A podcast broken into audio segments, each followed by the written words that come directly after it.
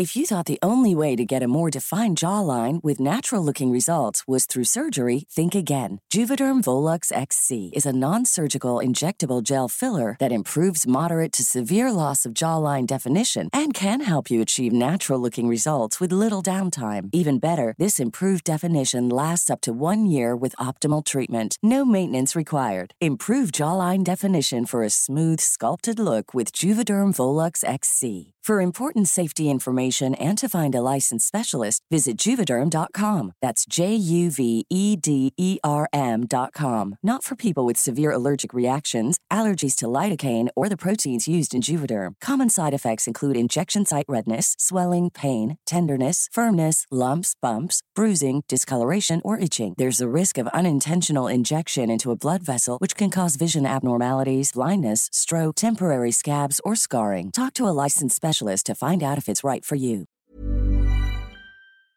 Hej och välkommen tillbaka till Storytime.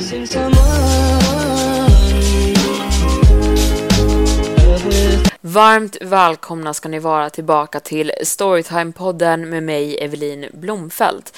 Idag är det dags för del två av Sommarlägret-berättelsen.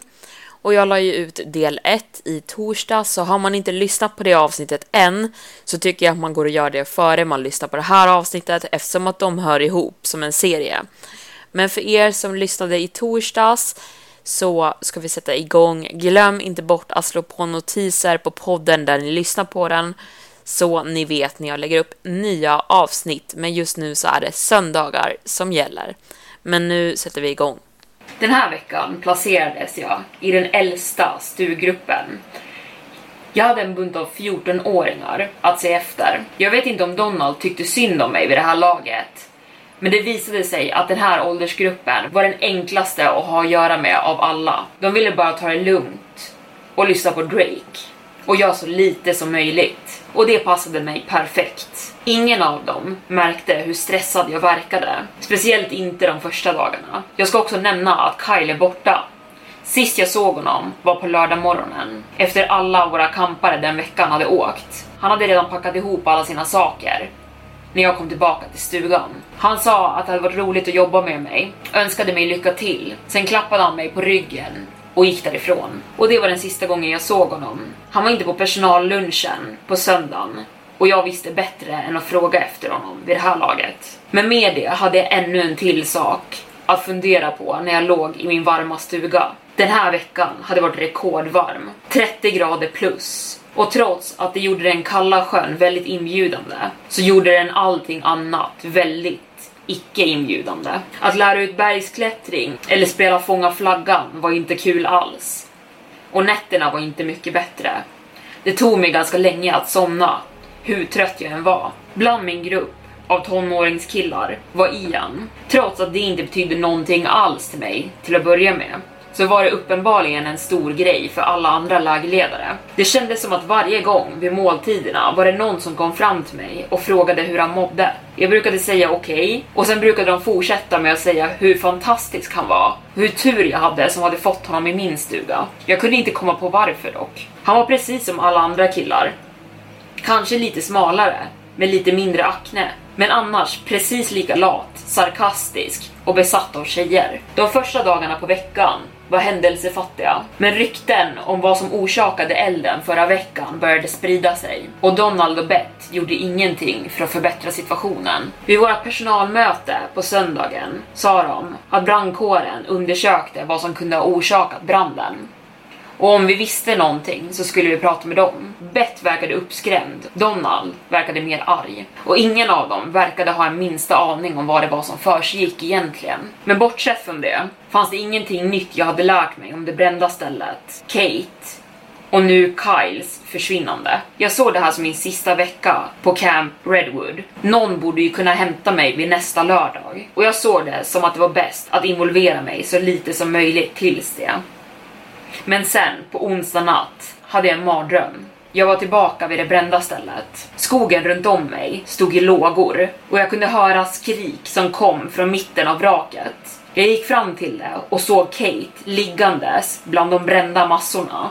skrikandes efter hjälp. Jag försökte fatta tag i henne, men jag kunde inte för de förfallna träplankorna. Och medan jag stod där, hjälplös, såg jag den svarta skepnaden dyka upp bredvid henne. Den höll upp sina sylvassa klor och körde dem rakt igenom henne. Jag vaknade upp helt blöt av svett och andfådd. Jag kollade på min mobil och klockan var kvart över två på natten.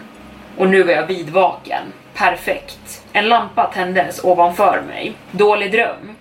Det var Ian. Han lutade sig ner från sin övre bunk, mitt emot mig. Ja, viskade jag. Väckte jag dig? Han pekade sin ficklampa mot boken han höll i sin hand. Nej, jag sover inte så mycket. Jag behövde ta mig ut ur stugan och lugna ner mina nerver. Jag ska gå på en promenad. Vill du följa med? frågade jag. Visst, sa han och klättrade ner från sängen. Jag drog på mig på shorts och sen lämnade vi stugan. Det var inte kallare utanför stugan än inuti, men det fanns i alla fall en liten lätt bris. Vi gick mot fotbollsfältet. Ian gick bredvid mig med sin pannlampa riktad framför oss. Så du sover inte eller vadå? frågade jag.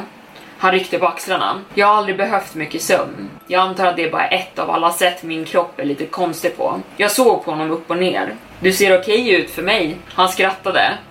Sen gav han mig en blick. Du vet inte om mig va? Nej, bara att alla här verkar tycka att du är den coolaste personen i världen. Jag flinade åt honom. Varför de tycker det vet jag verkligen inte. Han skrattade och högg mig lite med sin armbåge. Nej men på riktigt, vad är din historia? Vi stannade upp mitt på fältet. Flera stjärnor lyste upp den mörka natthimlen ovanför oss, medan halvmånen hängde precis över sjön. Jag hade cancer, leukemi.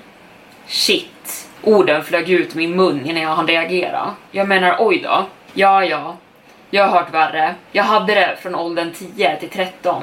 Och alla här visste, uppenbarligen. Jag antar att de ser mig som någon slags hjälte som tog mig igenom det. Jag klandrar dem inte, jag kan inte ens föreställa mig hur det måste ha varit. Det värsta olycksfallet jag varit med om var att jag bröt min vrist när jag var 11. Jag grät som en bebis. Det sög, sa han och skrattade. Liksom väldigt mycket. Jag kunde inte röra på mig, kunde inte äta, jag kunde knappt prata och det pågick i flera månader. Under de senaste fyra åren tror jag att jag har spenderat mer tid inne i sjukhuset än någon annanstans. Och sjuksyrrorna var inte ens heta. Nu började jag förstå varför alla gillade den här grabben. Han var skön. Men Gud tog mig igenom det. Jag bad varje gång jag fick behandlingar och jag tror det hjälpte. Till och med när jag inte kunde röra på mig och när jag spydde var femte minut så visste jag att han var där med mig. Han gav mig styrka hela tiden. Jag är glad att din tro, eller våran tro, tog dig igenom det. Gud är god. Vi fortsätter promenera längs fotbollsfältet på väg mot sjön. Gud är god, instämde igen. Men det är fortfarande läskigt. Varje gång jag får ont i kroppen tänker jag att jag är sjuk igen. Jag tänker fan det är tillbaka. Och mardrömmarna jag har haft. Jag är alltid tillbaka i sjukhuset. Uppkopplad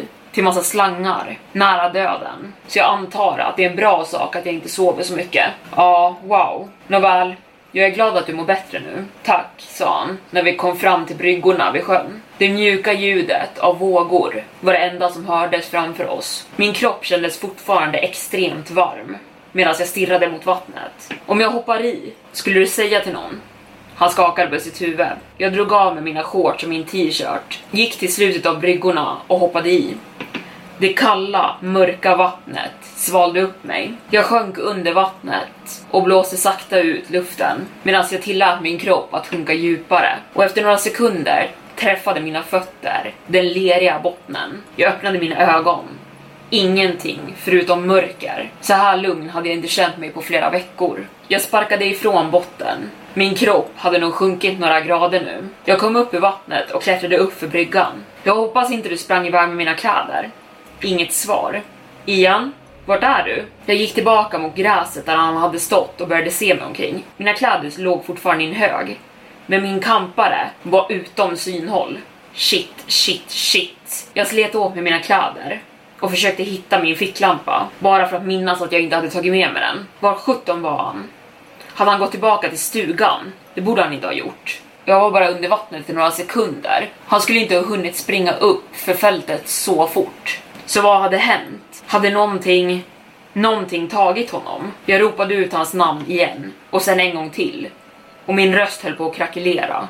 Inget svar. Mina ben vikte sig under mig och jag föll till mina knän. Varma tårar började forma sig i mina ögon. Fan, Kate, Jonathan, Kyle och nu Ian. Det var mitt fel. Vi borde ha stannat inne i stugan. Borde inte ha kommit ut här mitt i natten. Borde inte ha lämnat honom ensam medan jag hoppade i sjön. Hej! ropade Ian när han kom ut ur den norra delen av skogen mot bryggorna. Är det okej? Okay? Lättnad sköljde över mig. Åh tack gud, sa jag. Vart var du? Vad hände? Jag gick och kissade, sa han långsamt. Sorry om jag skrämde dig. Nej, nej, det är okej. Okay. Um, jag klädde på mig. Jag var fortfarande blöt. Men det fick vara. Kom igen, vi går tillbaka till stugan. Vi började sakta gå tillbaka mot stugan i tystnad. Och medan vi närmade oss stugorna så sa Ian tystlåtet. Kan jag berätta någonting för dig som jag inte har berättat för någon annan? Inte för att det är en dålig sak eller någonting. Det är bara lite konstigt. Jag stannade till, så att vi inte skulle väcka någon annan. Såklart du kan. Han drog ett djupt andetag. Det fanns stunder i sjukhuset när jag verkligen trodde att jag skulle dö. Alltså jag kunde känna min kropp stänga ner. Och när jag gjorde det såg jag någonting. Det var som att jag blev transporterad dit. Himlen. Han skakade sitt huvud. Nej, sa han, ännu tystare. Jag såg det här stället. Jag slöt mina ögon och jag var tillbaka på lägret. Och jag kommer ihåg hur jag tänkte. Det här är okej. Okay. Jag skulle kunna stanna här. Det var liksom fridfullt. Mina ögon sved till igen. Jag la en arm runt hans axlar och drog honom närmare mot mig. Det här lägret är speciellt, sa han. Och det är tack vare dig. Jag har fortsatt att hålla om honom. Vi stod där i tystnad någon minut till, men den här gången bröt jag tystnaden. Jag tror en demon attackerar det här lägret. Jag är inte säker varför jag sa det. Ian hade varit så ärlig och öppen med mig, så jag antog att om jag kunde lita på någon så var det honom. Han sa jag kommer ihåg att en lägerledare berättade för mig för några år sedan att det var en demon som orsakade min cancer. Ja, det är ju bullshit. Ja, alla här har någon fascination med demoner och satan och allt runt om det. Och det har inte du. Han drog sig försiktigt bort från min halvkram. Du vet, de kan vara riktiga. Men Gud är starkare än dem. Den saken är jag helt säker på. Han såg rakt på mig. Varför tror du att det är en demon här? Jag berättade den snabba versionen av allting jag hade upplevt på Camp Redwood. Och speciellt det konstiga vid det brända stället. Elden och såklart Kates försvinnande. När jag var klar skoffade Ian och sa så allt det här för att en tjej du gillade försvann från lägret. Varför ringer du inte henne bara och tar reda på vad som har hänt? Han sa det som att det var den mest uppenbara saken i hela världen. Ja, jag kan inte, jag har inte hennes nummer. Har du ens försökt hitta det? Liksom, jag vet inte, sjukstugan. Men såklart, de skulle ha allas journaler i sjukstugan. Vilket också inkluderade deras kontaktinfo. Du har rätt, sa jag. Jag måste smyga in där någon gång. Skitsamma, vi går dit nu, sa han med ett massivt flin på sitt ansikte. Hur skulle jag kunna motstå det? Vi gick över fältet en gång till, men den här gången mot den stora stugan. Sjukstugan satt fast i den. En liten klinik där ungefär fem personer skulle få plats åt gången. Och än så länge under den här sommaren hade jag bara sett den två gånger. För att lämna mina egna journaler två veckor tidigare. Och när en kampare hade blivit stungen av en geting medan han bergsklättrat. Den lilla stugan var låst, uppenbarligen. Men Ian föreslog att jag skulle putta tillräckligt hårt på dörren. Jag gjorde som han sa och den öppnade upp sig. Den har varit sådär i flera år, sa han. Vi gick in och passerade det lilla väntrummet in i den större delen, som hade två plåtskåp bredvid varandra, fyllda med vad jag antog var mediciner och verktyg. Ian lyste med sin ficklampa mot en av skåpen och sa den ligger förmodligen där i. Han tog tag i handtaget och drog upp den och ut kom flera mappar och alla hade klisterlappar med folks namn på. Medan han sken sin ficklampa letade jag igenom dem och försökte hitta Kates. Den var nästan längst bak och den hade nästan 10 papper inuti sig. Det slog mig att det här var väldigt kränkande. Det här var hennes privata sjukdomsjournaler, så jag bläddrade snabbt igenom dem utan att läsa någonting och letade bara efter hennes telefonnummer. Jag hittade den snabbt nog och hennes nummer stod riktigt där. Ian pekade mot väggen bakom oss. Telefonen är precis där. Jag skyndade över, tog upp luren och slog in Kates nummer. Medan det ringde tänkte jag för mig själv vad jag förväntade mig. Det var mitt i natten. Skulle någon ens svara? Skulle jag behöva lämna ett meddelande? Vad skulle jag säga? Jag kunde inte... Hallå? Åh fan, det var hennes röst. groggy och förvirrad. Men det var Kate. Är någon där? K Kate? Mumlade jag fram. Mitt hjärta hotade med att hoppa ut min bröstkorg. Va? Åh, åh gud. Hon kände igen min röst. Jag var säker på det. Varför ringer du mig mitt i natten? Jag ber om ursäkt, jag, jag ville bara... Shit, vad var, det jag skulle, vad var det jag ringde för? Jag hade inte tänkt att hon faktiskt skulle svara. Är du okej? Okay? Jag hörde tunga andetag på andra sidan linjen. Du skulle inte ha ringt, sa hon till slut. Jag trodde att någon hade berättat det för dig. Det gjorde de. Ett ljussken utanför fönstret fångade min uppmärksamhet. Jag puttade mig själv mot väggen, pekade mot Ian, menandes mot hans ficklampa. Han stängde av den direkt. Jag bara, jag var bara orolig för dig. Ljusskenet utanför lyste kort in i fönstret och sen bort. Jag tappade nästan luren. Förlåt, sa Kate. Det var inte meningen att skrämma dig. Men jag kan inte prata med dig just nu. Jag kan inte prata med någon från lägret. Hej då.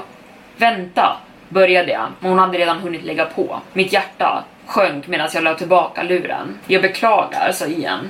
Det är lugnt, sa jag medan mitt huvud snurrade av tankar. Men min mest brådskande tanke var att vi behövde ta oss ut ur sjukstugan. Kom igen, vi måste dra. Ännu en gång sken ljuset från utsidan in genom fönstret. Jag duckade undan och sen la jag snabbt journalerna tillbaka i skåpet. Vi smög ut och stängde dörren efter oss. Men jag sträckte ut min arm och stoppade Ian från att passera. Vem den var som smög runt med en ficklampa kunde enkelt se oss. Så vi väntade, tysta, i flera minuter innan vi såg ljuset försvinna runt byggnaden. Jag höll andan medan personen gick förbi oss och in i Donalds stuga. Donald? Vad gjorde han ute mitt i natten? Han kanske var kissad eller någonting, tänkte jag sen för mig själv. När Donald var tillbaka i sin stuga så sprang jag och Ian över fältet. Halvvägs igenom stoppade jag honom. Är du trött än? Det var han inte. Inte jag heller. Och himlen är verkligen vacker ikväll. Vore synd att inte uppskatta den. Han skrattade Sen la vi oss ner på gräset och såg på stjärnorna. Vi såg flera stjärnfall passera genom himlavalvet precis ovanför oss. Vi stannade uppe en timme till innan jag kände att jag började somna in och då gick vi sakta tillbaka till stugan och somnade. Och tidigare idag sa jag hejdå till Ian jag kramade honom hårdare än jag kramat någon annan och jag sa åt honom att han alltid kunde räkna mig som en vän. Och jag tänker inte ljuga, det föll några tårar när jag såg honom köra iväg. Resten av personalen hade haft rätt, han var verkligen en speciell unge. Nu har jag tre veckor kvar här och en miljon frågor att besvara. Faktumet att Kate lever är lättande, men jag har fortfarande ingen aning om vad som hände med henne eller varför hon inte får prata med mig. Och mysterierna runt det brända stället börjar bara bli värre. Kunde det här vara någonting övernaturligt. Det är fortfarande svårt för mig att begripa. Jag bara vet inte. Men jag vet att det här lägret betyder mycket för flera och speciellt en 14-årig canceröverlevare. Och innan han hade åkt bad han mig att ta reda på vad som försiggick här.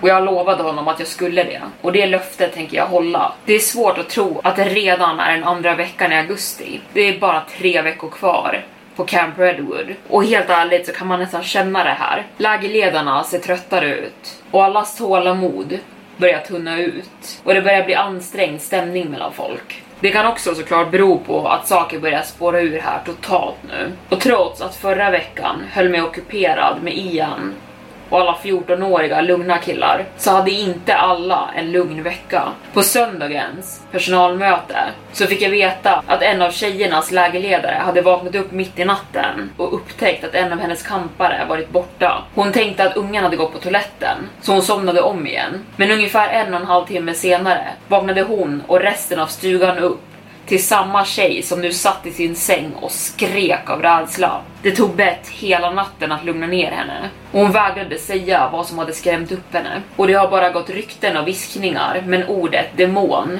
blir mer och mer använt här i lägret. Först var det extremisterna som Jordan, men sen fick jag också höra av en av de andra att fler och fler på lägret misstänkte någon slags paranormal attack. Det hade inte hjälpt att få stugor hade fått brännmärken av klor på sig och en hade satt sig i lågor. En tredje togs ur bruk den här veckan. Men om det var för att Bett och Donald trodde att det var en demonisk attack eller för att ingen i tjejernas personal ville bo i den mer var bortom mig. Hur som helst Tillbaka till min vecka. Jag hade en stuga med 12-åringar den här veckan. Och helt ärligt är jag så bra med den åldersgruppen att jag överväger att starta min egen firma baserat på att hjälpa föräldrar komma igenom sina barns tonår. När kamparna kom den här veckan så tog en av mammorna mig åt sidan och berättade att hennes son Adam fortfarande hade problem med att han kissade på sig i sömnen och frågade om han kunde få sova i sängen närmast dörren utifall han skulle behöva springa ut mitt i natten. Den sängen råkade vara lägerledarens säng. Den är lite större och det är den enda sängen i stugan som inte är en våningssäng. Men det var lugnt för mig att låta honom ta den. Jag tog en säng längst bak i stugan. Jag måste säga att jag kände mig lättare när den här veckan började. Att prata med Kate och få veta att hon faktiskt var okej okay var en enorm lättnad för mig. Trots att det lämnade mig med flera frågor. Tisdag eftermiddag vilade jag i min säng medan kamparna var och spelade på fotbollsfältet. Det krackade bredvid skynket till stugans ingång. Det var Jordan som gick in. Han såg förvirrad ut. Varför ligger du på en kampares säng? Frågade han medan han satt sig ner på Adams. För att den som du sitter på används av en nattkissare, sa jag och flinade. Jag trodde att det skulle få honom att ställa sig upp, men han bara flinade tillbaka. Jaha, så du har äntligen fått en sån också va? Så vad händer? Jag har något åt dig. Han öppnade sin hand och avslöjade ett tunt svart rep med ett vitt kors som hängde. Jag har bett mycket om det som händer här och varje gång så hör jag ditt namn när jag gör det. Jag är inte säker på vad det betyder, men jag antog att du skulle behöva den här. Tack, sa jag medan han gav mig halsbandet. Repet var lent och korset var perfekt polerat. Jag tog på mig det. Det är gjort från sydafrikansk sten, sa han. Jag fick den när jag gjorde en missionsresa. Är du säker på att du inte behöver den själv? frågade jag. Och trots att hans anledningar till att ge mig den var väldigt konstiga så var det ändå en snäll gest. Han log. Nej, det är bra för mig. Jordan tog tag i kragen på sin tröja och drog ner den lite. Där avslöjade han en stor korstatuering över bröstkorgen. Men håll dig uppmärksam, okej? Okay? Fienden attackerar oss mer och mer. Sen reste han sig och lämnade tältet och jag la ner halsbandet under min tröja. Jag ville inte behöva förklara det för någon, men jag måste medge att jag blev rätt rörd av det. Jordan var konstig, till och med för Camp Redwood standard, men han brydde sig uppenbarligen mycket om lägret och människorna i det. Jag övervägde att ta av den på natten, jag bestämde mig för att ha den på mig. Med tanke på att de konstigaste sakerna alltid hände när solen gick ner. Det var förmodligen under natten jag behövde korset mest. Och det visade sig att jag hade rätt. Natten efter Jordan hade gett mig halsbandet vaknade jag ännu en gång upp och fann mig själv stirrandes på skepnaden i huva, nu ståendes i mitten av stugan. Den sträckte sig över våningssängarna och dens huva hängandes ner. Jag såg sakta upp tills mina ögon mötte det livlösa hålet där ens ansikte borde ha varit. Och medans blev jag överväldigad av lukten av svavel. Jag ville krympa ihop av rädsla och försöka försvinna in i madrassen. Men plötsligt kände jag den iskalla stenen mot min bröstkorg. Korset. Jag tog tag i den och höll mina ögon på skepnaden, men den visade ingen reaktion. Med min fria hand fattade jag tag i min ficklampa pekade den mot skepnaden och tände den. Jag hörde någonting som lät som ett gutturalt skrik. Och sen var stugan tom. Den där saken var borta. Och det var stanken också. Vad fan, muttrade jag för mig själv medan min kropp slappnade av. Men det var kortvarigt. När skepnaden var borta så träffade ljusstrålen Adams säng och den var tom. Jag hoppade upp i min sovsäck och började lysa runt i stugan. Alla andra pojkar låg fortfarande i sina våningssängar. Bara Adam var försvunnen. Han kunde ha gått på toaletten. Det var trots allt anledningen till varför han hade sängen närmast dörren. Men efter vad som hade hänt veckan före vid tjejernas stuga var jag tvungen att vara säker. Jag kastade snabbt på mig kläder och skor och gick ut ur stugan mot badrummen och jag drog skarpt efter andan när jag såg att det inte var några lampor på där inne. Jag började jogga istället jag sprang in i badrummen, satte igång den automatiska belysningen och ropade efter Adam. Men ingenting. Jag lämnade badrummen och gick tillbaka mot stugorna medan jag sken min ficklampa överallt vid träden och buskarna. Och trots att vi sagt åt kamparna så älskade de ändå att bara gå och kissa rakt i naturen. Så jag ropade efter Adam igen och igen. Men det fanns inget tecken på honom. Mitt hjärta skenade, mina andetag var korta. Helvete, helvete. Vart var han? Jag sprang genom området. Jag letade efter minsta lilla tecken på honom men hittade ingenting. Inte igen, inte igen tänkte jag för mig själv. Jag hörde plastskynken rassla och jag såg hur Jordan stack ut sitt huvud ur sin stuga. Är det okej? Okay? Jag skakade mitt huvud. En av mina kampare är borta. Han blinkade. Vi borde hämta Donald. Jag ville verkligen hålla med. Det var den logiska saken att göra, men jag tvekade. Och Jordan märkte det. Varför vill du inte hämta honom? Hans röst var inte anklagande, men mer nyfiken. För jag tror att jag redan vet vart han är, sa jag. Och Donald kom inte tro på mig. Han klev tillbaka in i sin stuga och en halv minut senare klev han ut igen. Fullt påklädd, hållandes i en ficklampa. Kom igen. Vi rörde oss snabbt mellan stugorna, genom fältet mot den stora stugan. Vi behöll våra lampor släckta tills vi var bakom den och jag hittade ingången till stigen på några sekunder. Trots brådskan stannade jag upp en stund medan jag klev in på den mörka, överväxta stigen. Vad exakt skulle jag behöva konfrontera här inne? Det här var inte som tidigare, när jag hade gått dit under dagen eller undersökt på natten. Den här gången hoppades jag, förväntade jag mig, hitta någon där och den kanske inte var ensam. Jag såg över på Jordan som nickade åt mig. Jag klev in på stigen och började gå så sakta och tyst jag bara kunde. Kunde demoner höra? Eller skulle den bara känna min närvaro? Shit, att jag ens ställde mig själv de här frågorna just nu. För djupt inom mig trodde jag verkligen på att jag skulle gå upp mot någonting utom den här världen. Och ondskefullt, minst sagt. Och efter att vi hade gått ungefär en minut så slog stanken oss. Vi såg på varandra och sa ingenting. Jag andades som att jag just hade sprungit ett maraton. Jag distraherade mig själv med att tänka på sist jag hade varit här ute. När Kyle hade försökt kyssa mig. Hade det inte varit skitkul om Jordan hade gjort samma sak? Tänkte jag och skrattade för mig själv. Men mina tankar avbröts när jag hörde grenar som gick sönder längre in i skogen. Jag frös till och var tvungen att täcka över min mun för att inte skrika rakt ut. Jag sken min ficklampa mot samma håll där ljudet kom. Men såklart såg jag ingenting. Jag vände bort och fortsatte gå. Varje steg kändes som att klättra upp för ett berg nu. Vi hade gått i ungefär en minut till och tagit ungefär 20 steg när vi hörde ett högt skrik komma från vad jag tror det var hållet av den brända platsen. Det lät som ett skadat, argt djur som skrek rakt ut. Sen hörde vi ännu fler grenar gå av i mörkret. Vad i hela helvete? Jordan var helt plötsligt precis bakom mig. B, sa han. I en högre röst sa han. Jag vet att du är ute där, din ondska. Och i Jesus namn beordrar jag dig att lämna oss i fred. Gud bevara oss. Våran fader i himlen. Heliga, heliga, heliga Gud. Han började sjunga ur bibeln och jag kände en liten lättnad och fann styrkan att fortsätta gå medan han gjorde det.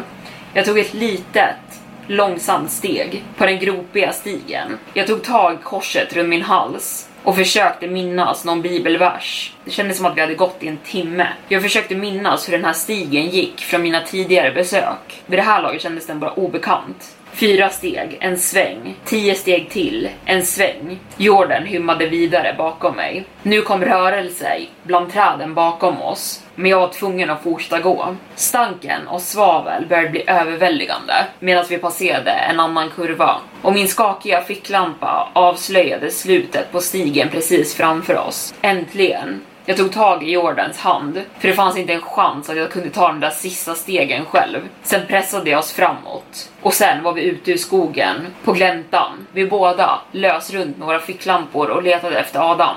Eller en demon, var jag rädd för. Men vi såg inget av det, bara vraket. Vilket nu såg ännu större och läskigare ut. Jag kände lättnad och rädsla på samma gång. Om ingen var här, vem hade gjort de där ljuden? Och vart var min kampare? Jag släppte Jordans hand och gick sakta mot vrakdelarna som jag hade gjort mina tidigare besök. Jordan stannade med mig, men höll sin ficklampa fokuserad mot skogen bakom oss. Som att han förväntade sig att någonting skulle hoppa ut. Vilket var en möjlighet. Min lampa sken fortfarande på det brända stället. Det var bara i utkanten av mitt synfält som jag fick syn på en strumpa liggandes i gräset närmast skogsbrynet. Jag sken min lampa på den. Åh herregud, en meter bort från strumpan liggandes i gräset var Adam. Jag sprang över till honom och föll ner på mina knän bredvid hans kropp. Adam, är du okej? Okay? Han svarade inte. I mörkret var det svårt att avgöra om han ens andades. Åh gud, nej, nej, nej, nej. Jag la mina fingrar på hans hals och försökte hitta en puls. Jag hade gått livräddning. Jag behövde hitta den. Men varför kunde jag inte göra det? Min syn började bli suddig medan tårar rann ner för mina kinder.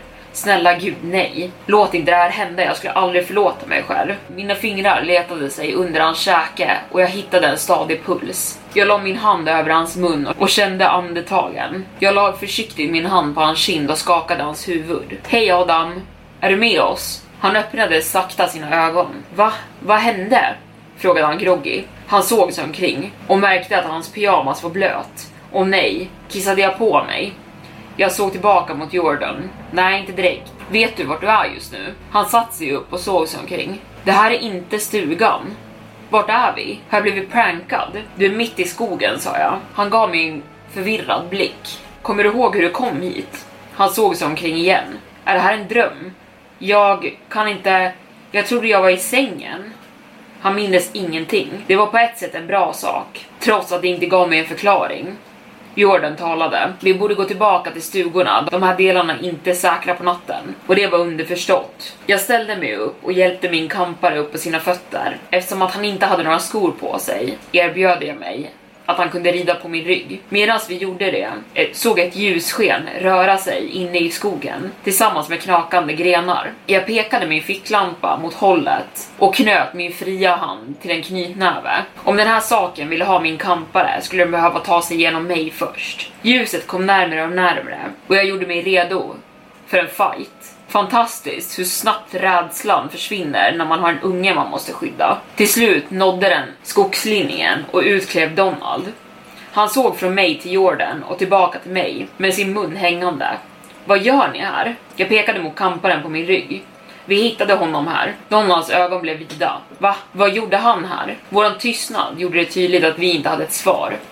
Förmodligen gick han i sömnen. Vi har ofta kampare som gör det. Nu går vi. Ni alla borde vara till sängs. Vi gick fram till honom och han ledde oss ut ur skogen. Medan vi gick märkte jag att han hade rosenkransen som jag hade sett i hans stuga virad runt sin hand. Jag ville fråga om den, men jag var rädd att om jag skulle börja ställa frågor så skulle han ställa några till mig. Som varför jag var vid det brända stället mitt i natten och varför jag visste att Adam skulle vara där. Jag var helt slut dagen efter. Men Adam var lika pigg som vanligt. Vad som än hade fått honom att hamna vid det brända stället verkade han inte minnas det alls. Och han hade inga fysiska skador eller märken på sig. Eller så hade han bara köpt det som Donald sa om att många kampare gick i sömnen och trott att han var för borta för att minnas någonting. Men han nämnde inget om det igen. Jag hade bara en enda chans att prata med Donald efter natten eftersom att han saknades från alla lägeraktiviteter. Och när jag gick nära honom för att prata sa han bara direkt inte nu, vi pratar senare. På den ljusa sidan dock. Nu har jag Jordan i mitt hörn. Han har dykt upp hos mig flera gånger och kommer in på kvällarna och ber i min stuga. Och han har schemalagt ett specialmöte med lägerledarna imorgon och diskutera allting som har hänt. Det var kvällen efter och jag gick till Jordans stuga för akutmötet han hade kallat till. Jag fick sällskap av tio till lägerledare, vilket gjorde vårt möte till en fjärdedel av all personal och det var inte dåligt alls. När vi alla var samlade började Jordan tala. Tack för att ni kom. Vi bjöd er alla har upplevt eller känt bekymmer om vad som händer på lägret här i sommar. Vi alla misstänker att det kan vara någonting demoniskt som finns här i lägret. Och efter förra veckan så är jag säker på det. Han såg på mig. Jag var inte säker på om jag skulle tala upp och bekräfta det. Men jag höll mig tyst och lät honom fortsätta. Ledarna här verkar inte bry sig om det. Eller om de gör det, så visar de det verkligen inte. Vilket betyder att vi måste ta tag i det och stoppa den här saken. Och hur gör vi det? frågade en av tjejerna. Två gånger under den här sommaren har mina kampare försvunnit mitt i natten, bara för att komma tillbaka i deras sängar på morgonen utan ett minne om vad som har hänt eller vart de vart. Flera nickade och höll med. Jag bet min läpp för att inte svära rakt ut. Jag visste inte att det var så illa. Om det är ett andligt krig, hur ska vi slåss mot den? Jordan sträckte sig över mot sin säng och fattade tag i en pocketbok. Jag kunde inte läsa titeln, men bokomslaget hade eld och pentagram på sig. Jag hittade den här i en bokaffär inne i stan. Det är i princip en guide på hur man slåss mot demoner. Som en exorcism, frågade jag. Nej, exorcismer är för de som är besatta. Och det är också en del skitsnack. Han kastade tillbaka boken på sin säng och sa Jag läser igenom den i natt och planerar hur vi ska attackera den här saken på tisdag. Det är tre dagar från nu, sa en av tjejerna. Vad gör vi tills dess? Den här saken kommer inte bara vänta på oss. Vi skyddar våra kampare, sa jag. Idén formades i mitt huvud medan jag talade. Sätt alarm så att ni vaknar mitt i natten. Gör en snabb check så att alla era, så att alla era kampare är kvar i stugan. Vi måste vara vaksamma. De andra höll med och vi satte upp ett schema för natten. Dagen därpå fick vi vårt nya schema för den nya veckan. Jag var tillbaka med tioåringarna, men som tur var hade jag en till lägerledare i min stuga den här veckan också. Han hette Scott och var väldigt vältränad. Alltså tänk Chris Hemsworth, men större. Och ändå en av de mest försiktiga och snälla personerna jag träffat. Att ha honom i min stuga gav två fördelar. Personligen kände jag mig säkrare med att ha en ung Herkules sovandes några meter bort. Och eftersom att han bara hade varit på lägret i tre veckor så hade han energin jag saknade vid det här laget. Den första natten väckte min telefon mig, fyra på morgonen. Jag klev upp och gjorde en check runt stugan på mina kampare. De alla var närvarande och låg och sov i sina sängar. Jag klev ut och gick igenom området och letade efter aktivitet. Ingenting. Jag gick tillbaka och la mig. Sen gjorde jag samma sak natten därefter och ännu en gång, ingenting. Sen kom tisdagen och ingen i våran grupp hade bevittnat någonting konstigt. Det kändes lite bättre, fast det var ungefär som att gå till läkaren när man är sjuk och höra att de inte hittar någonting fel på en. Ingen demonisk aktivitet de två senaste nätterna betöd inte att det var över. När jag var på väg mot middagen kom Jordan fram till mig. Jag är redo. I natt, klockan tre. Vi möts vid badrummen och vi går igenom skogen tillsammans. Ta med dig din ficklampa och en bibel. Och trots att jag var nervös så lyckades jag ändå somna på natten. Utmattningen som kommer från det här jobbet är den perfekta botemedlet mot sömnlöshet. Jag vaknade tio i tre, klädde på mig, fattade tag i en bibel och en ficklampa, tog ett djupt andetag och gick ut. Jordan och några andra killar från personalen väntade på mig och när vi alla var tillsammans började vi gå mot det brända stället. Färden dit var betydligt mycket enklare än den här gången när vi var flera stycken som tog oss igenom den mörka skogen och det var inte alls lika läskigt. Vi var där på bara några minuter. När vi kom dit så kunde jag se flera av tjejerna dyka upp på stigen som kom från tjejernas stugor. När vi alla var samlade så började Jordan ge oss instruktioner. Vi alla skulle stå som i en cirkel runt om vraket och läsa ut bibelverser. Sen skulle han be och driva ut demonen för gott. Tveksamt ställde jag mig på plats och bläddrade i min bibel för att hitta den versen jag skulle läsa. Allting verkade för enkelt. Det fanns även ingen lukt av svavel i luften eller något tecken på demonisk närvaro. Typ som det brinnande kolet jag och Kyle hade hittat. En demon kanske inte behövde vara fysiskt närvarande för att kunna bli utdriven och det kanske var lika bra att den inte var här. När vi alla stod i rätt position började vi gå runt i en cirkel medan vi alla högläste passagerna som Jordan hade gett oss. När det var min tur läste jag högt. Jag är vägen, jag är sanningen och livet. Ingen man kommer till Fadern utan att gå mig. As a person with a very deep voice, I'm hired all the time for advertising campaigns. But a deep voice doesn't sell B2B, and advertising on the wrong platform doesn't sell B2B either. That's why if you're a B2B marketer, you should use LinkedIn ads. LinkedIn has the targeting capabilities to help you reach the world's largest professional audience.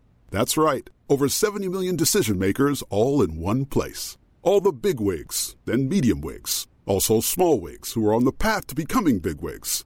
Okay, that's enough about wigs. LinkedIn ads allows you to focus on getting your B2B message to the right people. So, does that mean you should use ads on LinkedIn instead of hiring me, the man with the deepest voice in the world? Yes. Yes, it does. Get started today and see why LinkedIn is the place to be to be. We'll even give you a $100 credit on your next campaign. Go to linkedin.com slash results to claim your credit.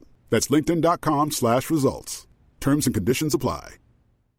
If you're looking for plump lips that last, you need to know about Juvederm lip fillers. With Juvederm Volbella XC and Juvederm Ultra XC, your lip look, whether it's subtle or bold, can last up to one full year with optimal treatment and no additional maintenance. Find a licensed specialist and see if it's right for you at juvederm.com today. That's J U V E D E R M.com. Add fullness to lips in adults over 21 with Juvederm Volbella XC or Juvederm Ultra XC. Do not use if you have severe allergies or a history of severe allergic reactions, or if you're allergic to lidocaine or the proteins used in Juvederm. Tell your doctor if you have a history of scarring or taking medicines that decrease the body's immune response or that can prolong bleeding. Common side effects include injection site redness, swelling, pain, tenderness, firmness, lumps, bumps, bruising, discoloration, or itching. As with all fillers, there's a rare risk of unintentional injection into a blood vessel, which can cause vision abnormalities, blindness, stroke, temporary scabs, or scarring. For full important safety information, visit juvederm.com.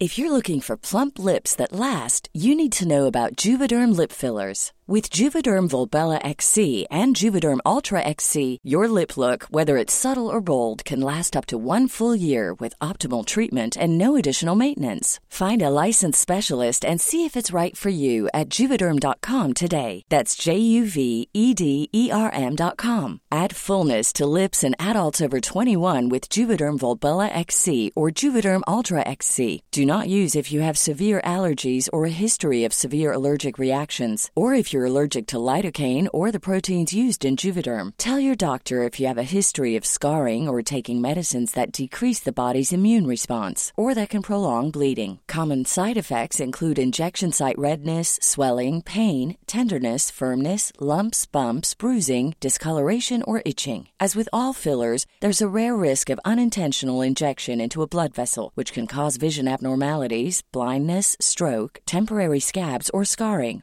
For full important safety information, visit juvederm.com. Sen gick det över till nästa person som började läsa. När vi alla var klara sträckte Jordan upp sina händer över braket och i en hög röst sa han Åh herre, i ditt namn bannlyser vi den här demonen från denna plats. Vi är på helig mark och ingen ondska är välkommen. I Jesu Kristus namn kastar vi ut alla demoner. Jag väntade i spänning för att se om någonting hände. Jag är inte säker på vad jag förväntade mig. En plötslig blixt av ljus eller en stor explosion. Men det enda jag hörde var några grenar som gick av inne i skogen och det kändes lite obehagligt. Hade ritualen ens funkat? Eller fanns det inget sätt för oss att veta det? Jordan sänkte till slut sina händer. Så, sa han självsäkert. Det är klart. Nu går vi. Jag ville verkligen fråga om det bara var det här vi skulle göra. Men bortsett från några mumlande Amen, så sa ingen annan någonting. Jag stängde min bibel och gick tillbaka i tystnad tillsammans med de andra killarna. Vi sa godnatt och gick in i våra stugor. När jag klättrade tillbaka ner i min bunk så ville jag verkligen, verkligen tro att det jag hade gjort hade fungerat. Men det var någonting med det som kändes för enkelt. Jag visste att det här inte var en film eller någon skräckhistoria, men borde det inte ske mer saker än att högläsa lite bibelverser och en snabb bön? Ingenting verkade annorlunda morgonen därpå, eller under dagen för den delen. Inga kampare hade försvunnit, eller var störda av någonting. Och dagen kändes lite soligare. Och mer än några gånger utbytte jag blickar med de andra som hade varit vid det brända stället. Som om vi alla tänkte, är det verkligen över? Kanske.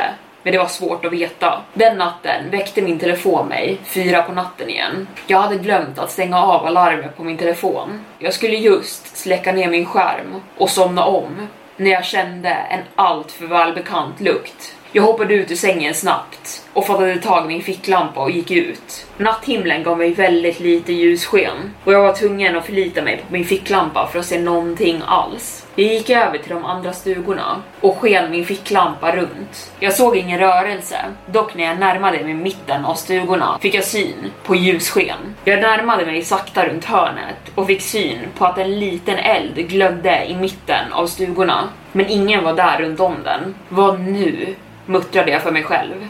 Jag gick in i Jordans stuga och ruskade liv i honom. Han såg på klockan, sen tillbaka på mig. Sen klev han upp ur sängen utan att säga ett ord. Jag tog med honom till elden. Han stirrade på den en sekund Och sen tog han ett steg tillbaka. Hittade du den här så här? Alltså just nu. Jag berättade för honom att jag hade gjort det. Kolla på pinnarna. Det där är inte en normal eld. Jag kollade en gång till. Det var inte en normal eld med vedklabbar staplade på varandra.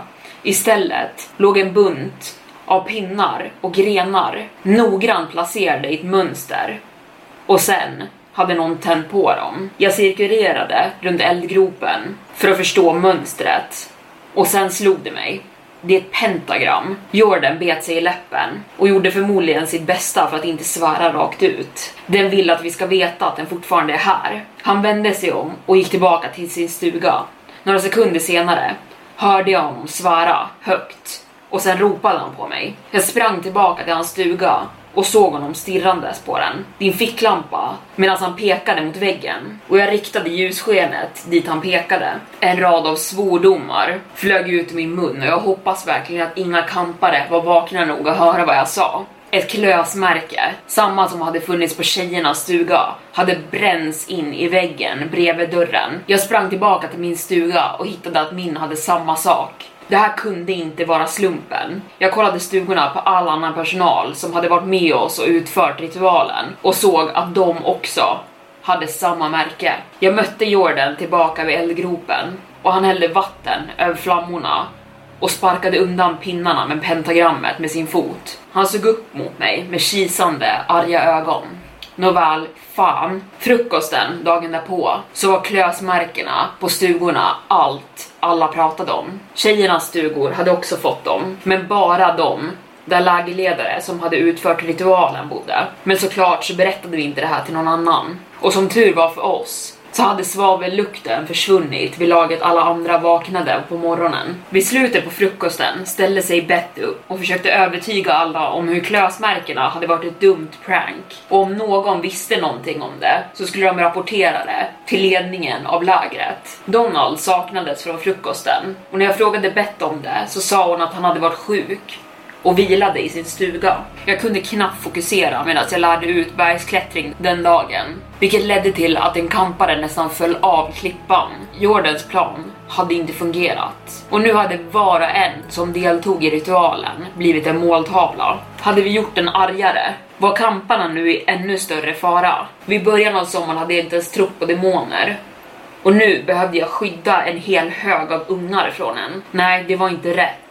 Det var inte mitt ansvar att beskydda de här ungarna. Det var Donalds och han tog det inte på stort nog allvar alls. Han visste uppenbarligen någonting som han höll från resten av oss, vilket betöd att jag behövde konfrontera honom, lägga fram alla korten på borden och låta honom veta allting som jag visste och varför jag kände att lägret var i fara. När jag kom tillbaka från bergsklättring så stannade jag vid Donalds stuga och knackade på dörren. Inget svar. Jag knackade igen, ännu hårdare den här gången. Fortfarande ingenting. Men det lät som att det var rörelse inne i stugan. Men om någon var där inne så ville den verkligen inte ha besök. Donald var inte vid någon av de andra måltiderna eller aktiviteterna resten av dagen. Och gud vilken lång dag det var. Jag fortsatte se mig över axeln, som att jag förväntade mig att någon demonisk skepnad skulle dyka upp bland barnen och jag såg att Jordan och de andra som hade varit vid det brända stället gjorde samma sak vi alla var på helspänn. Den natten medan Tor, jag menar Scott och jag jobbade tillsammans för att få alla kamparna i säng så knackade det på dörren till stugan och en av de andra lägerledarna stack in sitt huvud. Hej, Donald vill träffa dig i sin stuga. En kör av ooh bröt ut bland mina kampare. Jag såg på Scott som nickade. Sen satte jag på mig mina skor och gick ut mot Donalds stuga. Mitt huvud skenade. Varför ville han helt plötsligt prata med mig? Jag tog mig fram till hans stuga och knackade. En röst ropade från insidan att jag skulle komma in. Jag öppnade dörren och såg Donald sittandes på sin säng. Han log mot mig och vinkade menande som att jag skulle komma in. Jag hörde att du hade letat efter mig. Ja, sa jag medan min röst skakade lite. Jag hade gått igenom den här konversationen flera gånger i mitt huvud, men nu när jag satt framför honom så hade jag glömt bort allting jag faktiskt ville säga. Jag letade faktiskt efter dig för några nätter sedan. Jag vaknade upp mitt i natten på tisdag och jag ville se till så att du var okej. Okay. Du vet, med tanke på allting som har hänt. Så jag gick till din stuga och du var inte där. Han verkade inte arg, mer bekymrad. Jag suckade. Det fanns ingen mening med att ljuga. Jag var vid det brända stället. Hans mungipa röck lite grann och jag fortsatte med att förklara allting med ritualen som vi hade utfört och svavlet och elden och klomärkena på alla stugor. Allting som hade hänt fram tills nu. Jag måste ha pratat i fem minuter sträck och när jag var klar så skakade mina händer. Jag är verkligen rädd för det här lägret. Jag tror någonting ondsint attackerar oss. Donald reste sig från sin säng, gick över till kylen och kastade över en vattenflaska till mig. Här, drick. Jag litar inte på vattnet i kranarna här. Rören, de är väldigt gamla. Okej. Okay. Jag öppnade flaskan och drack några klunkar. Men drick inte allt, fortsatte han. Du kanske kan komma till att behöva det senare. Mina ögon drogs till rosenkransen ännu en gång som hängde över kylskåpet. Vad var det han antydde med det han sa? Jag bestämde mig för att fråga honom rakt ut. Vet du någonting jag inte vet? Nej, det var inte frågan. Tror du att det här lägret attackeras av en demon? Han satt sig i sängen igen. Har du någonsin hört om C.S. Lewis? frågade han. Berättelserna om Narnia och allting det. Han skrev också The Screwtape Letters. Och det finns ett bra citat i de böckerna om demoner. Kortfattat så finns det två slutsatser vi kan dra om dem. Vi kan antingen misstro i att de finns, eller så kan vi tro på dem och bli besatta av dem. De själva gillar båda de resultaten. Sen såg han rakt på mig. Ärligt talat, jag tror det finns en logisk förklaring för allt det här. Men om det är en demon så lovar jag dig att det här lägret är förberett. De här kamparna är mitt ansvar och jag kommer inte låta någonting dåligt hända dem. Det var förmodligen det bästa jag skulle få ut av honom. Om han skulle, om han skulle erkänna att det faktiskt fanns en demon så skulle han behöva förklara varför han lät lägret hållas öppet. Han skulle också verka galen. Jag tackade honom, tog med mig min vattenflaska och klev ut ur stugan. Jag kände mig både lättad och ångestfylld på samma gång. Vilket var ganska väntat med tanke på hur tvetydig Donald hade varit med sina svar. Från framsidan av hans stuga såg jag in i skogen. Jag skulle just gå tillbaka mot min stuga när jag såg ett ljussken inne i skogen. Jag gick till trälinjen och försökte se bättre in. Träden stod täta, men det såg ut som att ljuset kom från djupt inne i skogen och det rörde på sig. Mot mig var det någon som kom ut från det brända stället. Sättet ljuset sken på. Det såg inte ut som en ficklampa, det såg mer ut som en eldflamma från en fackla. Jag kände mig dragen till den. Jag klev in på stigen och började gå mot ljuset medan jag kände en blandning av nyfikenhet och rädsla. Jag hade gått några meter in i skogen när ljuset helt plötsligt försvann. Jag stod stilla i en minut och lyssnade på minsta lilla rörelse, men jag hörde ingenting. Jag kliade mig på huvudet och suckade.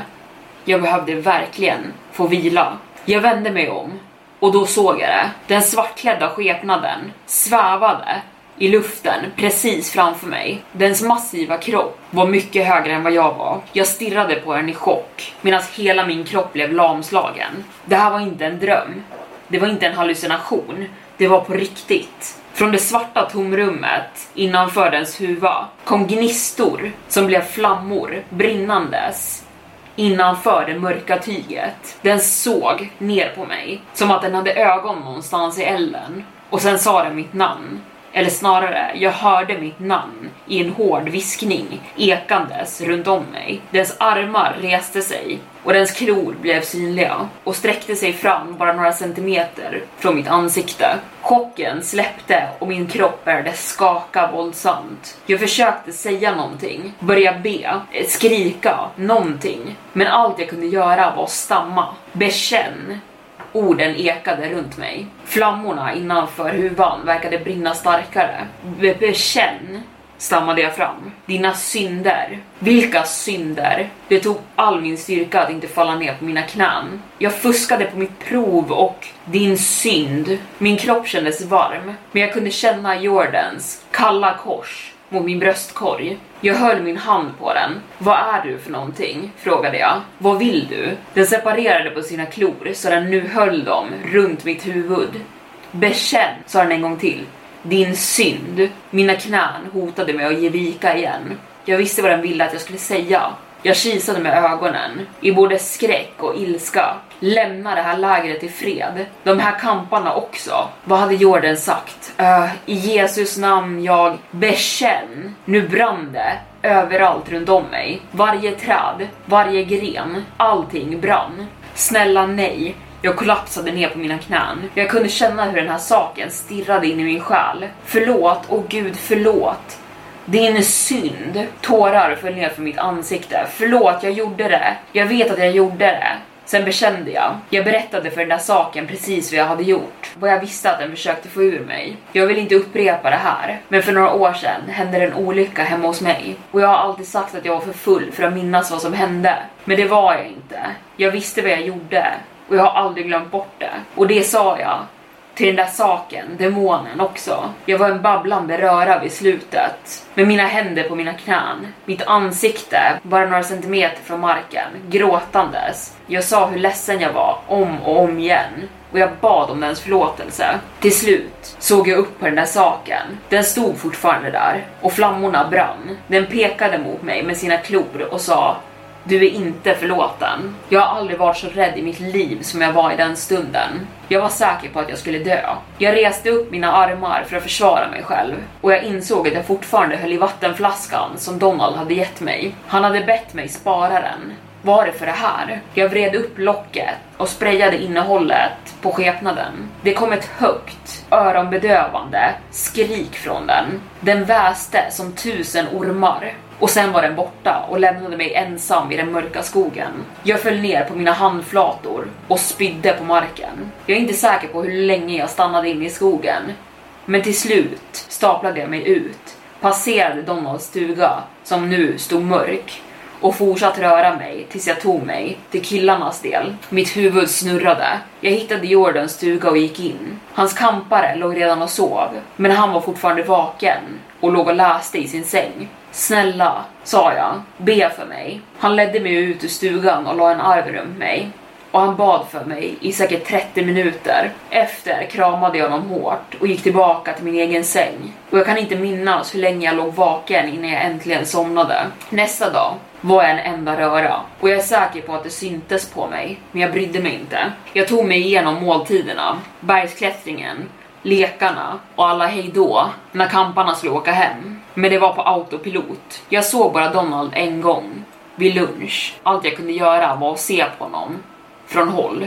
Vad vet han? Jag är inte säker på hur den sista veckan av ett sommarläger ska vara, men jag kan tänka mig att den inte är lika spänd som sakerna på Camp Redwood på söndagen. Ja, alla var trötta och alla kände av att sommaren höll på att ta slut och skolan skulle börja igen. Men snälla, man kunde skära spänningen med en kniv. Vid vårt standard kyrkmöte kändes det som att ingen var uppspelt över musiken längre.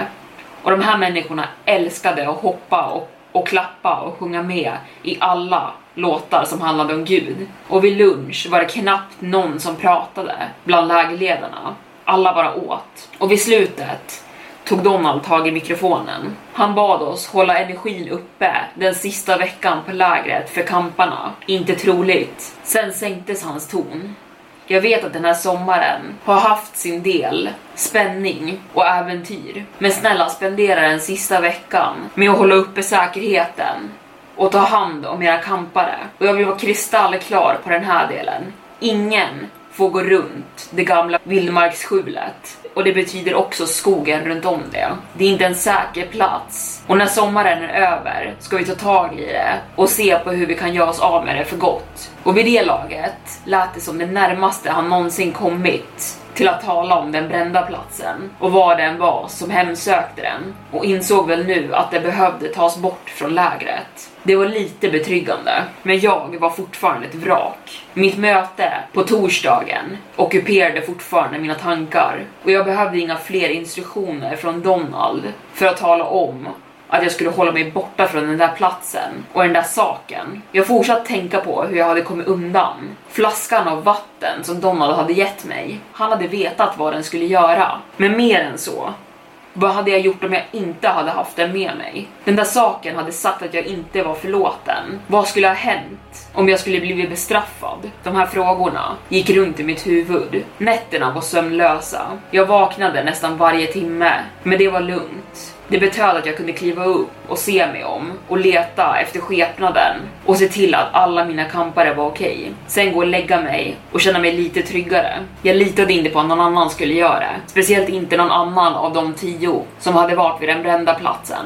Med tanke på att alla av oss hade blivit måltavlor precis efter. Och jag misstänkte att någon som var där kunde ha med det att göra en Judas, om vi säger så. Det inkluderade till och med Jordan. Hur mycket jag än ville luta mig på honom så kunde jag bara lita på mig själv nu. Under dagen så var jag alltid på full beredskap, som om jag väntade på att figuren skulle dyka upp bakom ett träd när som helst. Men oturligt nog så ledde de sömnlösa nätterna och ansträngande dagarna till att jag blev helt utmattad och halvvägs genom onsdagen började jag känna mig yr. Efter ett par timmar kollapsade jag och började spy.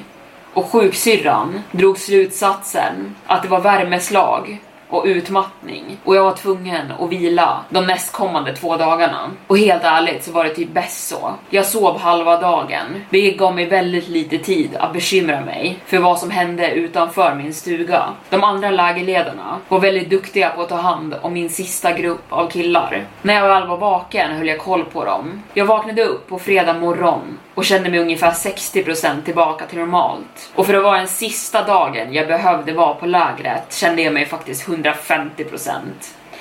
Jag lärde ut min sista bergsklättringskurs såg tre ungar ta sig över toppen, lekte den sista omgången av att fånga flaggan. Och tack vare min nya energi av att ha vilat orkade jag fånga flaggan först och vinna leken för oss. Jag vet att det inte är den viktigaste detaljen, men det var den första gången jag någonsin hade vunnit något på lägret. Och det kändes bra. Jag hade blandade känslor när det var dags för den sista middagen. På ena sidan, ja, jag var glad att sommaren höll på att ta slut och att jag skulle få ta mig långt bort från den här platsen.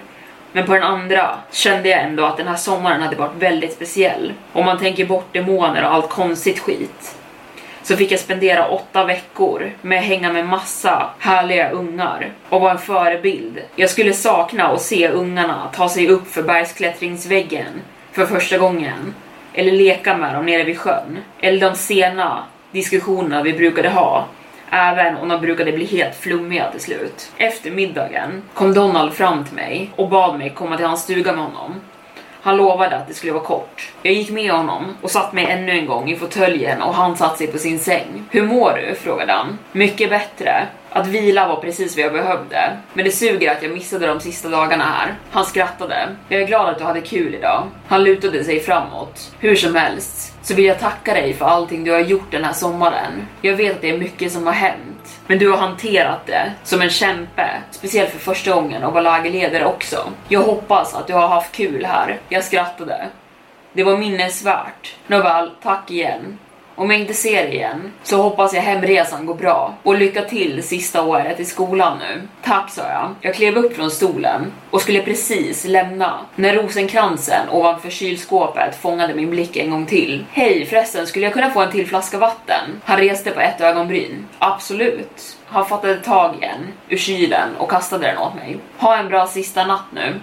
Du med, sa jag och lämnade hans stuga och gick mot min egen. Det var en sista lägereld och jag måste erkänna att jag blev lite tårögd när lägerledarna sjöng en låt om Gud och sa hejdå till alla. Sen såg vi på när de släckte elden för den sista gången 2019. Mina kampare var, som tur var, helt utmattade från dagen och somnade snabbt. Jag, å andra sidan, var inte redo att somna. Jag låg i min säng och stirrade rakt upp i det mörka taket. Jag var precis vid målsnöret. Jag hade överlevt sommaren. Och ändå så fanns det flera obesvarade frågor i mitt huvud. Och flera av dem hade växt till liv när jag hade läst Kates mail. Just det, jag borde kanske berätta om att jag fick ett mail från henne. Det var långt, alltså nästan 5000 ord.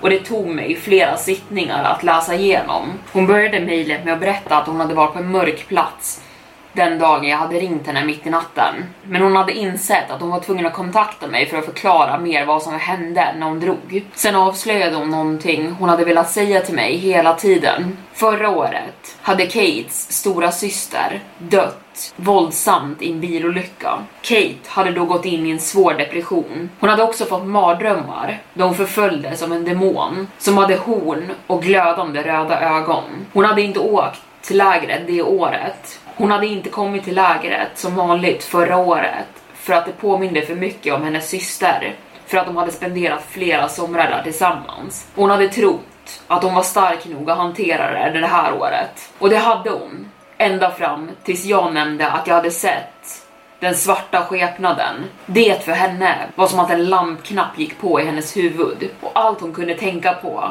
var att det var demonen från hennes egna mardrömmar som hon associerade med sin systers död och allt det hade lett till att alla minnen kom tillbaka och det blev alldeles för mycket för henne att hantera. Och den natten blev hon överväldigad och rädd och ledsen. Hon skrev hur hon mindes hur hon sprang genom skogen och grät. Och några av de andra lägerledarna hade hittat henne, stannat uppe med henne hela natten och sen ringt hennes föräldrar morgonen därpå och de kom och hämtade henne. Hon avslutade sitt mail med att säga att hon inte klandrade mig alls över vad som hade hänt. Bara att hon inte hade sagt hej då innan hon åkte. Sen skrev hon att hon skulle vara nära staden jag bodde i höst för att plugga och om jag ville så skulle hon gärna gå på en kaffedejt med mig. Mailet hade gett mig många blandade känslor. Jag var verkligen glad att hon var okej okay, och att det fanns en logisk förklaring till vad som hade hänt. Och faktumet att hon ville gå på en dejt med mig var verkligen gulligt. Men jag fick också så dåligt samvete och att hon hade hållit alla sina känslor inom sig bara för att jag skulle komma och trigga henne. Men sen fanns det ett större problem. Hennes e-mail gjorde ingenting för att, för att hjälpa mig förstå vad som hade pågått de senaste veckorna efter att hon försvann. När jag låg i min säng på fredag kväll suckade jag åt tanken. Det var frustrerande. Det kändes som att inte göra klart ett pussel och jag skulle åka hem om 12 timmar. Vad mer kunde jag göra? Så jag rullade över i sängen och fattade tag i Donalds vattenflaska. Den var fortfarande full, så jag tänkte att jag kunde ta en sipp och använda resten om jag skulle behöva slåss mot demonen. Jag öppnade den och tog en klunk, men när vattnet bubblade i min mun frös jag till. Min hjärna började skena igen. Den la inte alla pusselbitar på plats, men den började se dem ur en annan vinkel. Och hela tiden hade jag trott att det var någonting övernaturligt som pågick här. Men tänk om det inte var fallet. Jag ställde mig upp, tog tag i min ficklampa det fanns bara en sak jag kunde göra nu. Jag var tvungen att gå tillbaka till det brända stället. Det var ungefär runt midnatt när jag lämnade stugan med ficklampan i en hand och vattenflaskan i den andra. Vid det här laget hade jag gått på den dolda stigen så många gånger att jag visste exakt vart den låg, som att den skulle vara upplyst av neonpilar. Jag stannade framför den och drog några djupa andetag medan jag snurrade på flaskan i mina händer. Sen gick jag. Lukten träffade mig inom 30 sekunder och jag försökte mitt bästa för att ignorera den och bara fortsätta gå. Än så länge hade jag inte sett eller hört någonting. Jag tog mig till änden av stigen och ut på gläntan. Det var ännu en molnig natt, vilket gav mig väldigt lite ljus till och med med min ficklampa. Jag lyste strålen över fältet runt mig. Jag är inte säker på vad jag letade efter, kanske bara bekräftelse på att jag faktiskt var ensam. Sen fokuserade jag den på vraket i mitten. Alla gånger jag varit här hade jag aldrig faktiskt klivit in i det och kollat. Jag gick cirklar runt vraket och försökte hitta den bästa vägen in. Det var konstigt hur alla vrakdelar låg placerade så att det inte fanns någon uppenbar väg in. Inte heller kunde någon försöka klättra över det utan att skära sig rejält på sakerna som stack upp.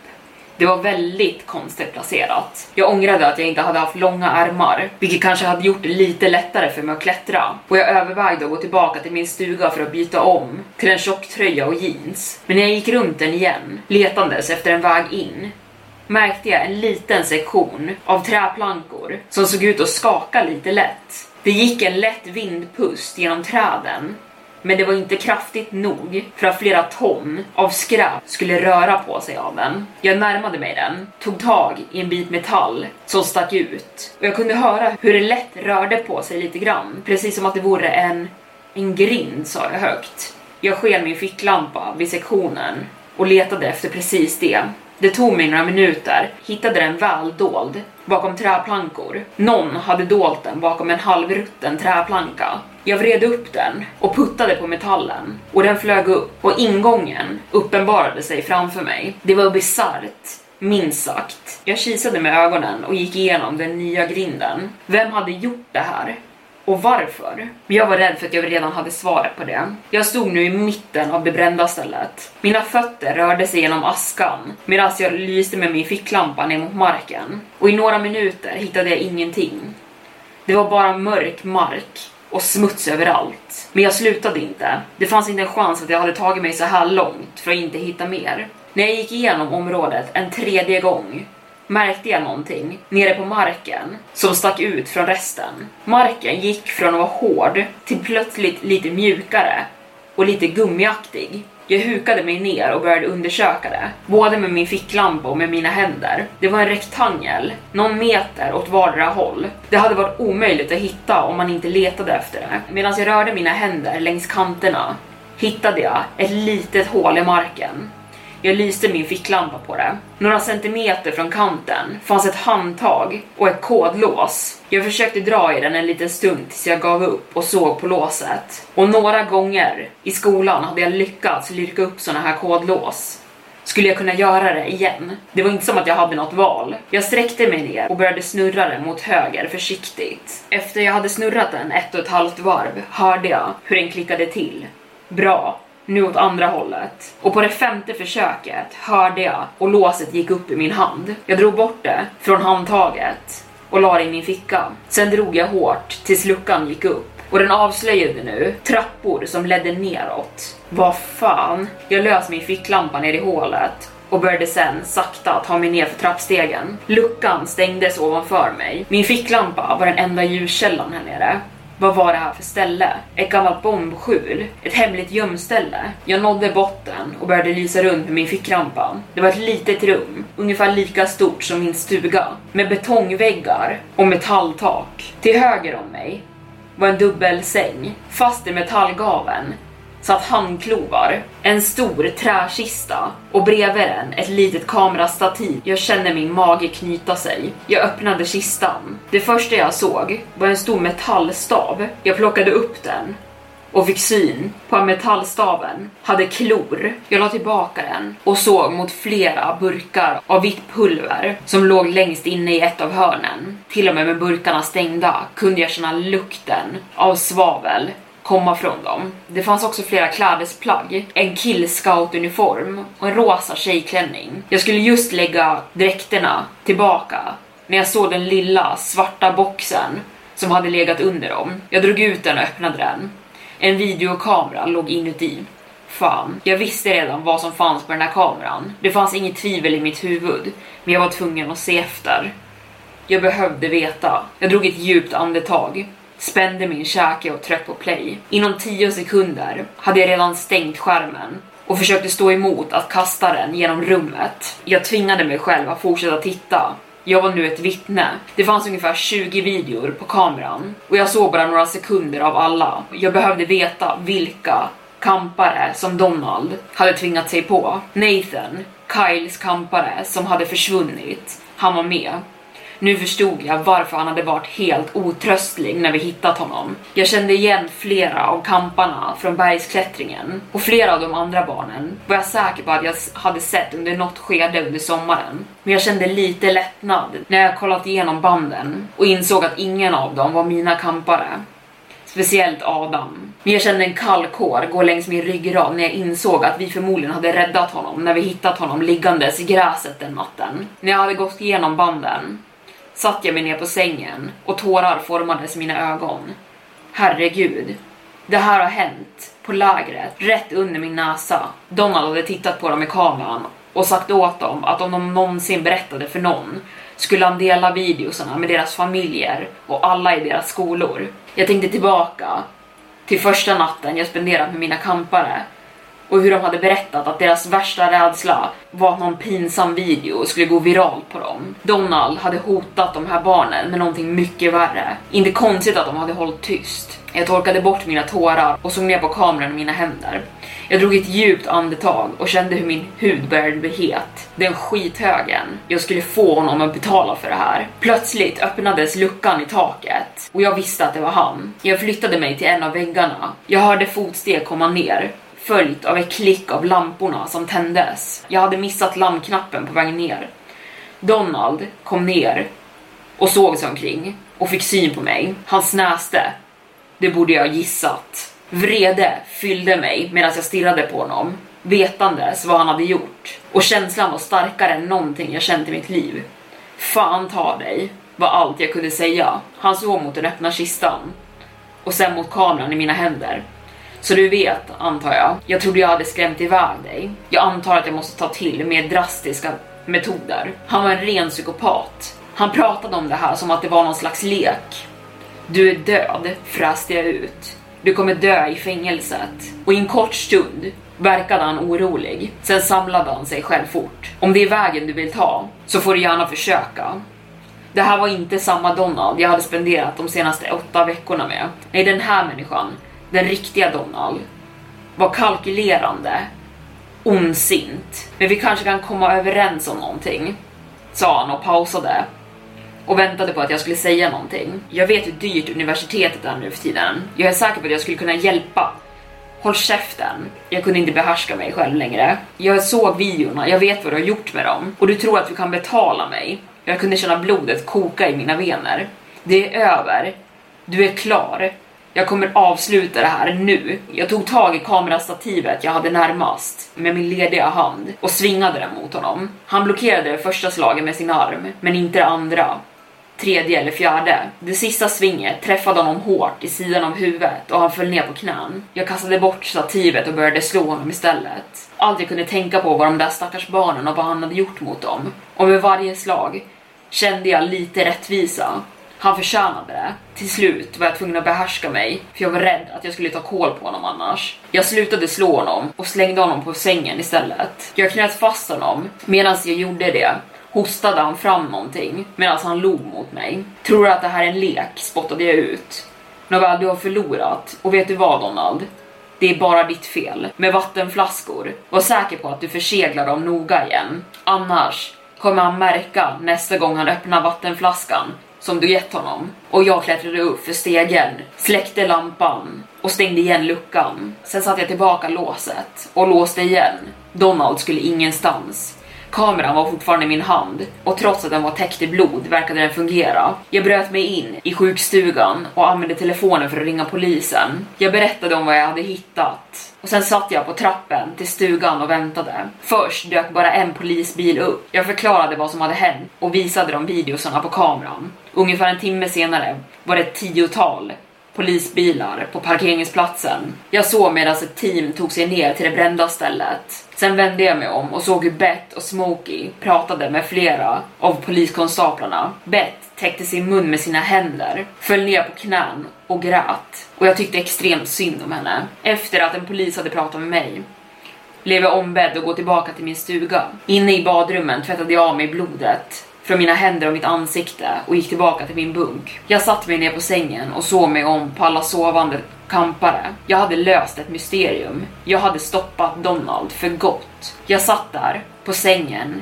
gud vet hur länge, tills jag däckade av trötthet. Vi samlades i den stora stugan som vanligt, klev upp på scenen med rödsprängda ögon för att tacka av alla lägerledare. Sen började vi alla säga hejdå till varandra och vi, och vi lovade att vi skulle hålla kontakten.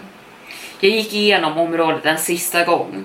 Bergsklättrarväggen, sjön, stugorna. Sen tog jag mina väskor ur stugan och gick till parkeringsplatsen. En svart SUV rullade upp och jag klev in. Två agenter fortsatte intervjua mig om händelserna under sommaren medan de körde mig hem. Och nu är jag hemma och Donald är arresterad och snart kommer jag förmodligen behöva vittna mot honom. Och jag längtar. För två månader sedan sa jag att jag inte var säker på om jag trodde på Gud och demoner. Och det har förändrats. Jag är fortfarande inte säker på Gud, men jag tror verkligen på demonen nu. För jag träffade en och jag jobbade för honom och jag litade på honom och jag hoppas att han brinner i helvetet. Och där stänger jag igen Storytime-boken för denna gång och avslutar då den här längre serien och det här längre avsnittet. Vi kom ju upp över en timme idag. Och jag hoppas att ni tycker om det. Jag får ofta förfrågningar på om jag kan göra lite längre avsnitt.